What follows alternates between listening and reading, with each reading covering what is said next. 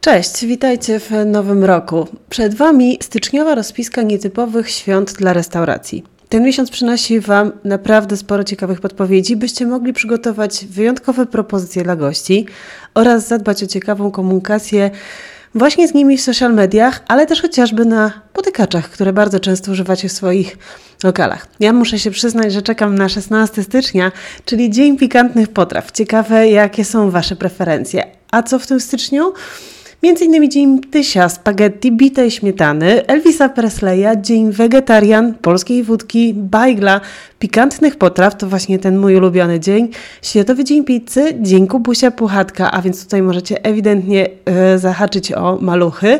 Dzień Miłośników Sera, Międzynarodowy Dzień Przytulania, Dzień Ostrego Sosu, to też chyba będzie mój ulubiony, Dzień Sekretarki i Asystentki, drugiej połówki, a także chociażby rogalika. Moi drodzy, w tym roku życzę Wam wszystkiego, co najlepsze. Mam nadzieję, by każdy dzień był powodem dla Was do radości, ale również i dla nas. Trzymajcie się dobrze w nowym roku.